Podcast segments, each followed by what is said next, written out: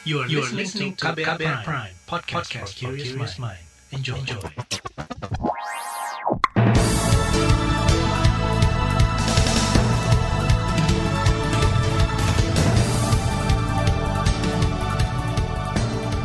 Selamat pagi saudara, senang sekali kami bisa menjumpai Anda kembali melalui program Buletin Pagi edisi Rabu 19 Mei 2021. Bersama saya, Naomi Liantra. Sejumlah informasi pilihan telah kami siapkan, di antaranya Kepolisian catat selesaikan 1.800 kasus dengan restoratif justice dalam 100 hari. Penyandang disabilitas masuk prioritas penerima vaksin COVID-19. Polres Boyolali tetapkan dua tersangka kasus kecelakaan perahu Kedung Ombok. Terbaru di Buletin Pagi. Kepolisian Indonesia mencatat sudah menyelesaikan lebih dari 1.800 kasus dengan pendekatan keadilan atau restoratif justice sejak Listio Sigit Prabowo dilantik menjadi Kapolri. Juri bicara Mabes Polri Argo Yuwono mengatakan konsep ini menitik beratkan pada kondisi terciptanya keadilan bagi pelaku dan korban. Argo menyampaikan itu dalam konferensi pers 100 hari kinerja Kapolri kemarin kaitannya dengan restoratif justice sebagai bentuk penyelesaian perkara sudah dilakukan sebanyak 1864 di masing-masing Polda contohnya di Bareskrim ada 28 perkara yaitu 22 di Bidung 4 di Tipiksus dan 2 di cyber. Tentunya nanti sedang kita garap peraturan kepolisian berkaitan dengan penerapan keadilan restoratif justice.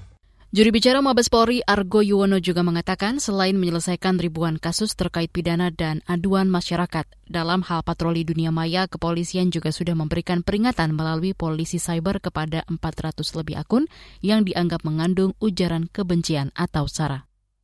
Sebelumnya Kapolri Listio Sigit Prabowo menyebut ada 16 program prioritas yang akan dikerjakan, di antaranya penataan kelembagaan, peningkatan kinerja penegakan hukum, pemantapan komunikasi publik, peningkatan kualitas pelayanan publik Polri, dan pengaduan masyarakat. Menyikapi program kerja itu, Yayasan Lembaga Bantuan Hukum Indonesia YLBHI mendapati masih banyak aduan masyarakat yang diabaikan. Ketua YLBHI Asfinawati mengatakan pelaporan kasus secara individu dianggap cukup sulit tanpa adanya pendampingan hukum. Menurutnya hal ini bertolak belakang dengan klaim penyelesaian 1.800-an kasus dengan konsep keadilan restorasi dari kepolisian dalam 100 hari Kapolri Listio Sigit. Kalau 1.800 ini betul dalam arti memuaskan korban itu pasti patut diapresiasi gitu ya. Cuma di satu sisi kami itu artinya LBH LBHI di 17 provinsi itu masih menerima saja laporan orang-orang yang kasusnya belum selesai.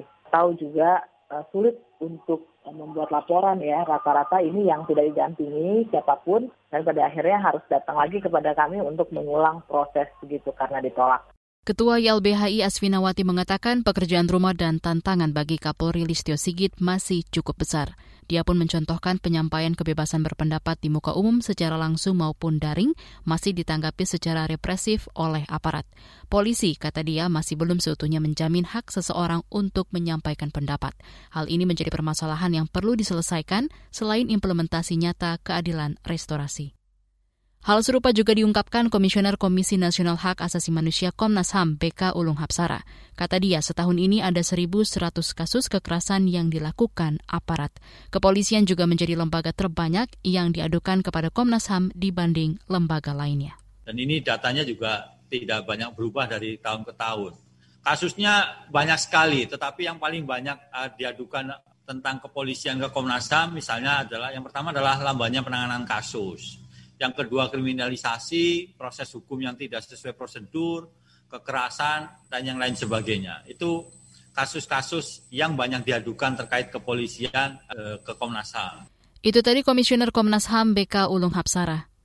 Menurut anggota Komisi Kepolisian Nasional Pungki Indarti, peningkatan kinerja kepolisian masih harus digenjot dari berbagai aspek.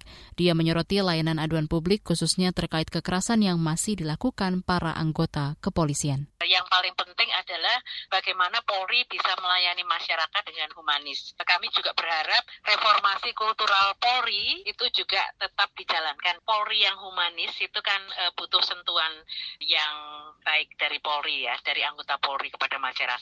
Nah, eh, bagaimana mereka bisa melayani masyarakat dengan baik, senyum, sapa, salam, dan kemudian eh, tidak menggunakan kekerasan berlebihan itu yang paling penting yang diharapkan oleh masyarakat.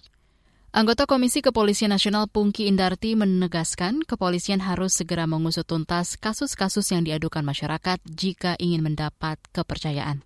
Pungki meminta agar penyelesaian kasus besar yang sedang ditangani terkait bansos hingga terorisme bisa mendapatkan perhatian lebih dalam upaya penyelesaiannya. Informasi tentang corona akan hadir usai jeda. Tetaplah di Buletin Pagi KBR. You're listening to KBR Pride, podcast for curious mind. Enjoy!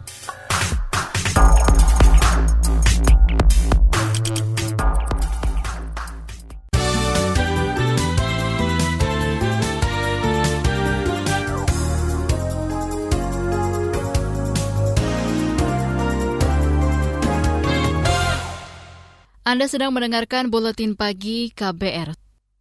Penyandang disabilitas masuk dalam prioritas kelompok yang akan disuntik dalam vaksinasi gelombang ketiga.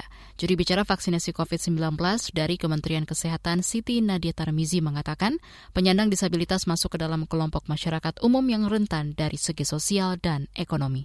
Artinya tentu yang ekonominya ke bawah ya, kemudian secara sosial ini juga uh, kurang beruntung. Nah, ini yang kita dahulukan. Termasuk tadi ya kelompok-kelompok misalnya orang dengan disabilitas, orang dengan gangguan jiwa ya. Ini juga masuk kelompok yang paling rentan. Nah, inilah yang kemudian kita dahulukan dulu pada proses vaksinasi ini. Juri bicara vaksinasi COVID-19 Kementerian Kesehatan Siti Nadia Tarmizi menjelaskan, vaksinasi gelombang ketiga juga akan menyasar kelompok rentan yang tinggal di daerah rawan. Berdasarkan kriteria itu, DKI Jakarta menjadi daerah pertama yang melaksanakan vaksinasi gelombang ketiga pada awal Mei lalu. Pemerintah resmi menghentikan sementara distribusi dan penggunaan vaksin AstraZeneca dengan kode produksi CDMA 547. Namun demikian, juri bicara Satgas Penanganan COVID-19 Wiku Adhisa Smito meminta masyarakat tak khawatir karena vaksin AstraZeneca dengan kode produksi lain masih tetap aman digunakan. Saya meminta masyarakat tidak perlu khawatir. Penghentian ini merupakan bentuk kehati-hatian pemerintah untuk memastikan keamanan vaksin ini. Selain itu, masyarakat perlu mengetahui bahwa hanya vaksin AstraZeneca dengan batch CTMA V547 saja yang dihentikan penggunaannya. Vaksin AstraZeneca batch lainnya tetap digunakan. Juri bicara Satgas Penanganan COVID-19 Wiku Adhisa Smito menambahkan, selama penghentian ini, Badan Pengawasan Obat dan Makanan BPOM akan melakukan pengujian uji sterilitas dan toksisitas vaksin untuk memastikan keamanan vaksin buatan AstraZeneca. Kita beralih ke informasi lain. Presiden Joko Widodo meminta seluruh kepala daerah untuk berkontribusi mendongkrak pertumbuhan ekonomi. Ia menargetkan perbaikan ekonomi di kuartal kedua bisa mencapai 7 persen. Menurutnya hal ini hanya bisa didapat dari agregat kumpulan pertumbuhan ekonomi yang ada di provinsi, kabupaten, dan kota. Seluruh gubernur, bupati, dan wali kota memiliki tanggung jawab yang sama dalam berkontribusi terhadap pertumbuhan ekonomi nasional kita. Target kita di kuartal kedua, saya sudah memberikan target, kurang lebih harus di atas 7 persen. Bayangkan, dari minus 0,74, saya minta di atas 7 persen. Tapi indikasi ke, arah sana ada. Presiden Joko Widodo optimistis pertumbuhan ekonomi di kedua bisa tercapai. Salah satunya terkait peredaran uang kartal yang mencapai 154 triliun rupiah pada Idul Fitri kemarin. Ia juga mengingatkan masih banyak provinsi yang perekonomiannya tumbuh negatif dan hanya 10 provinsi yang merangkak ke arah positif. Pemerintah masih memiliki piutang kepada Bulog sebesar lebih 1,2 triliun rupiah. Hal itu disampaikan Direktur Utama Perum Bulog Budi Waseso saat rapat kerja dengan Komisi 4 DPR kemarin. Budi meminta pemerintah melunasi utang-utang tersebut. Mengingat pencairan piutang pemerintah kepada Perum Bulog sangat penting dan berdampak pada pengolahan arus kas perusahaan. Kami sangat mengharapkan dukungan agar pelunasan piutang pemerintah kepada Perum Bulog dapat segera dilakukan. Kata Direktur Utama Perum Bulog Budi Waseso, utang pemerintah di antaranya berasal dari ketersediaan pasokan dan stabilisasi harga sebesar lebih 870 miliar rupiah dan pelepasan stok turun mutu sebesar lebih 170 rupiah. Menanggapi hal itu, DPR mendorong pemerintah agar segera melunasi hutangnya. Apalagi Perum Bulog pun masih memiliki utang pada pihak bank sebesar 14 triliun rupiah. Kita ke mancanegara. Serangan rudal Israel menghancurkan satu-satunya laboratorium corona di jalur Gaza. Otoritas di sana melaporkan saat ini laboratorium termasuk wilayah sekitarnya tidak dapat beroperasi lagi. Dilansir dari AFP, klinik kesehatan dan kantor Palamera Qatar turut rusak akibat serangan tersebut. Wakil Menteri Kesehatan Gaza Yosef Abu Alris juga menyatakan akibat serangan itu para petugas medis terluka dan sebagian dalam keadaan kritis. Serangan yang ditujukan ke fasilitas kesehatan itu mengancam upaya pemerintah dalam menghadapi pandemi COVID-19. Selanjutnya kita beralih ke berita olahraga. Sebuah organisasi kesehatan Jepang menyerukan pembatalan pelaksanaan Olimpiade Tokyo. Hal itu dilakukan dengan alasan fasilitas kesehatan sudah kewalahan menangani lonjakan kasus COVID-19. Dilansir dari Reuters, Asosiasi Praktisi Medis yang mewakili 6.000 dokter telah mengirimkan surat terbuka kepada Perdana Menteri Kesehatan Yoshi Haid meminta pembatalan turnamen. Alasannya terjadi kekurangan staf medis dan jumlah tempat tidur di rumah sakit sekitar. Sebelumnya petisi tolak Olimpiade juga telah ditandatangani ratusan ribu orang. Para pakar kesehatan prihatin jika turnamen tetap digelar, lonjakan kasus akan semakin meningkat. Kita ke Liga Inggris. Manchester United ditahan imbang Fulham dengan skor 1-1 dalam laga kandang pamungkas mereka di Stadion Old Trafford dini hari tadi. Pertandingan dihadiri sekitar 10.000 penonton yang pertama kali hadir di Old Trafford. Dukungan penonton gagal dimanfaatkan MU ketika keunggulan mereka dimusnahkan oleh Joe Bryan dan skor 1-1 bertahan hingga pertandingan berakhir. Hasil itu membuat MU menutup performa mereka di kandang musim ini dengan tiga laga nirmenang. Laporan khas KBR bertajuk Kejar Target Vaksinasi 70 Juta Orang Bisakah akan kami hadirkan sesaat lagi. Tetaplah di Buletin Pagi KBR. You're listening to KBR Pride, podcast for curious mind. Enjoy!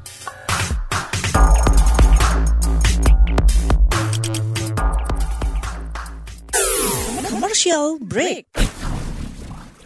Ada kesedihan, air mata, dan trauma. Namun ada juga gelak tawa, bahagia, dan rasa bangga. Cerita kehidupan manusia adalah perjuangan dan pembelajaran. Pertanyaan di balik itu secara psikologi, apakah dia punya niat membunuh? Kan belum tentu. Saya kaget ketika ada konflik sesama orang Madura sendiri mengatasnamakan aliran keagamaan. Sejak itu, warga Syiah harus mengungsi sampai sekarang. Untuk kehidupan saya pada waktu itu aja nggak menentu kan. Boro-boro mikirin untuk perpustakaan gitu. Saga, cerita tentang nama, peristiwa, dan fakta. Liputan khas KBR ini telah memenangkan berbagai penghargaan nasional dan internasional. Anda sedang mendengarkan program Saga Produksi KBR. Simak di program Buletin Pagi pukul 6 waktu Indonesia Barat, Buletin Sore pukul 16 waktu Indonesia Barat, dan KBR Pagi pukul 7 waktu Indonesia Barat. Dengarkan Saga di radio jaringan KBR di Nusantara atau streaming di kbr.id. Saga juga hadir dalam bentuk podcast di kbrprime.id. KBR, inspiratif, terpercaya.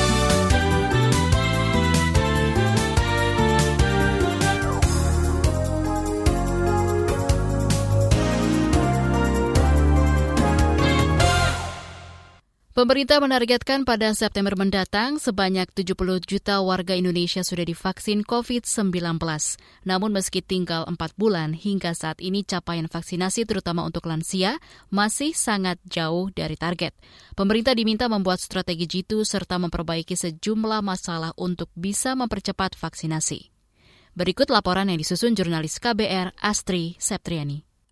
Presiden Joko Widodo yakin target vaksinasi COVID-19 kepada 70 juta orang bisa tercapai di bulan September tahun ini.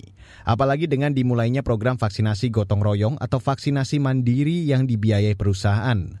Menurut Jokowi, saat ini cakupan vaksinasi nasional sudah mencapai 23 juta dosis dari target suntikan 380 juta dosis proses vaksinasi gotong royong ini bisa mempercepat target dari vaksinasi yang ingin kita lakukan yaitu 181 juta 500 ribu dari penduduk yang ingin kita vaksin dan kita harapkan target itu bisa uh, dipercepat dengan adanya vaksin gotong royong ini. Kita berharap nantinya di bulan Agustus atau maksimal di bulan September sudah mencapai jumlah kurang lebih 70 juta yang divaksin.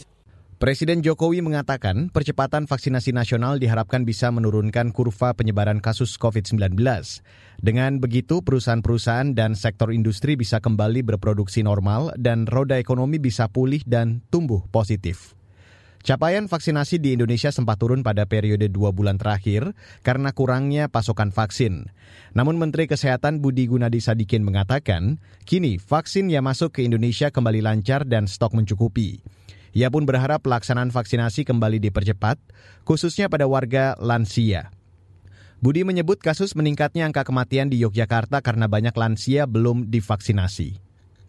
Dan banyak lansianya yang belum divaksin. Ya, lansia yang paling banyak divaksin adalah DKI Jakarta dan Bali. Dan itu mudah-mudahan bisa mengurangi jumlah orang yang masuk rumah sakit dan wafat.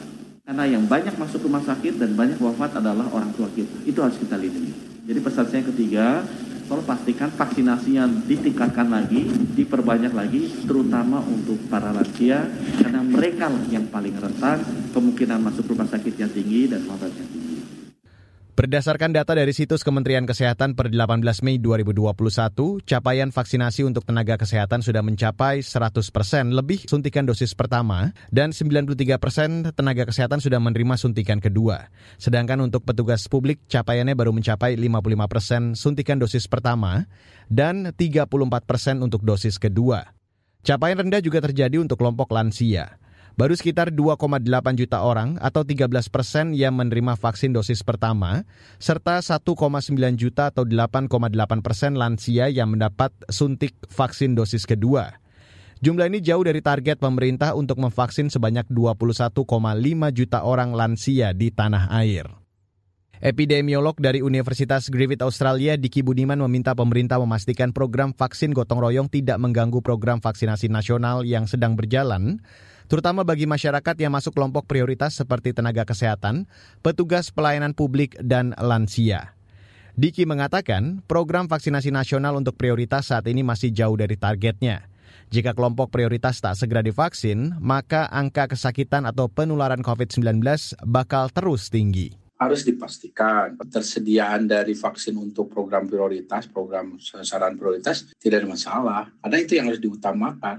Kemudian, kalaupun misalnya mau dijalankan, pastikan vaksinnya itu yang memang punya apa namanya uh, uh, tidak ya tidak memiliki uh, potensi apa gap diskriminasi yang besar dengan vaksin yang di, dijalankan di program publik. Di lain pihak, pengamat kebijakan publik dari Universitas Trisakti Jakarta, Trubus Rahardiansyah menyarankan pemerintah membuat strategi baru untuk bisa mempercepat vaksinasi COVID-19. Menurutnya, pemerintah mesti lebih dahulu membenahi sejumlah masalah yang ada, mulai dari kecukupan vaksin, sosialisasi dan edukasi untuk meyakinkan masyarakat yang masih menolak divaksin, serta kecukupan SDM vaksinator terutama di daerah-daerah. Daerah itu kan misalnya tergantung pada puskesmas. Tidak semua daerah itu punya puskesmas. Nah, apalagi di daerah-daerah gitu. Nah, sehingga masyarakat itu untuk sampai ke tempat puskesmas di mana vaksin itu dilakukan kan sangat jauh, Mbak. Nah, ini memang infrastrukturnya harus ditingkatkan, harus diperbanyak lagi kalau perlu didirikanlah pos-pos sampai ke tataran RT RW kalau di kampung-kampung itu ya sampai ke dukuh-dukuh mbak ke, ke kampung-kampung RT RW kecil gitu ya jadi sehingga itu menyebabkan apa masyarakat bisa teredukasi gitu. Dan saudara, laporan ini disusun Astri Septiani, saya Reski Mesanto. Informasi dari berbagai daerah akan hadir usai jeda. Tetaplah bersama Buletin Pagi KBR. You're listening to KBR Pride, podcast for curious mind. Enjoy!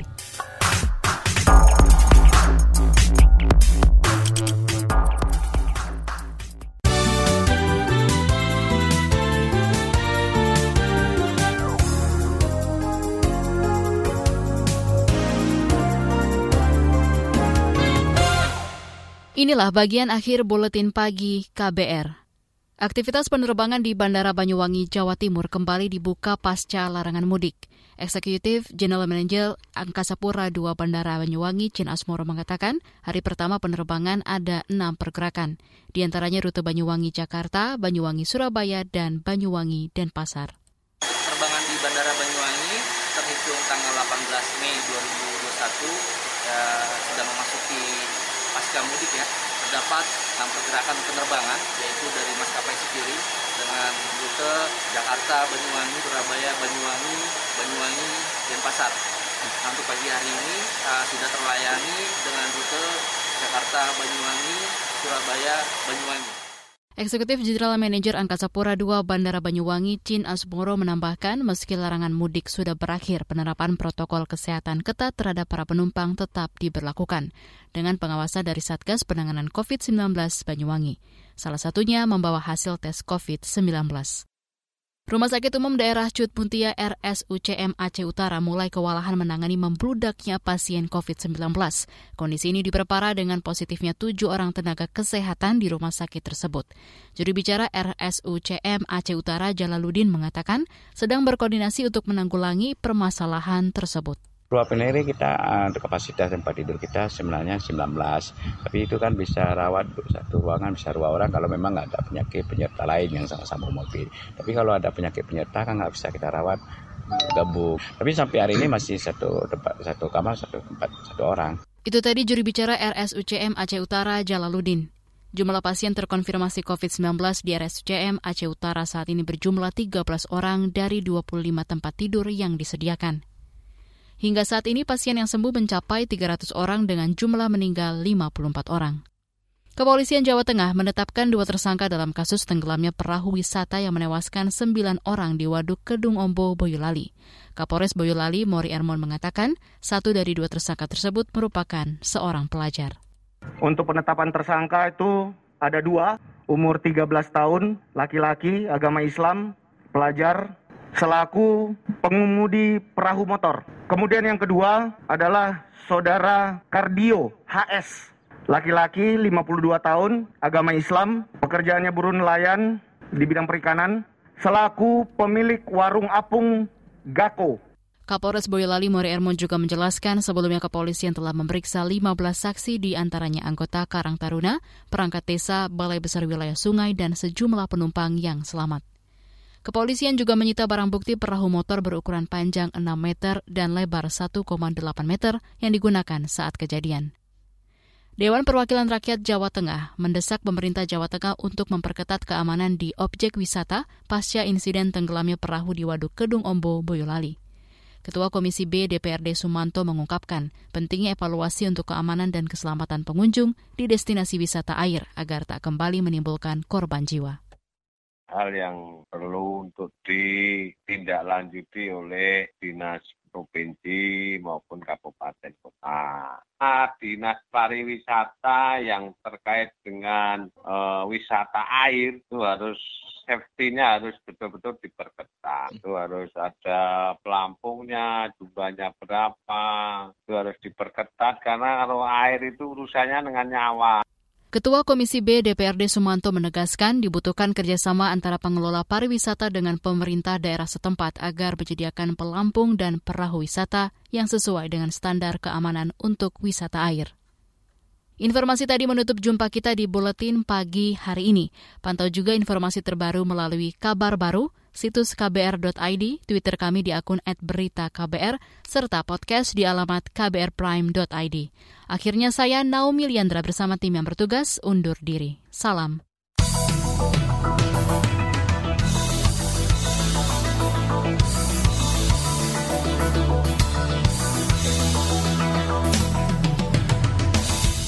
KBR Prime, cara asik mendengar berita. KBR Prime, podcast for curious mind.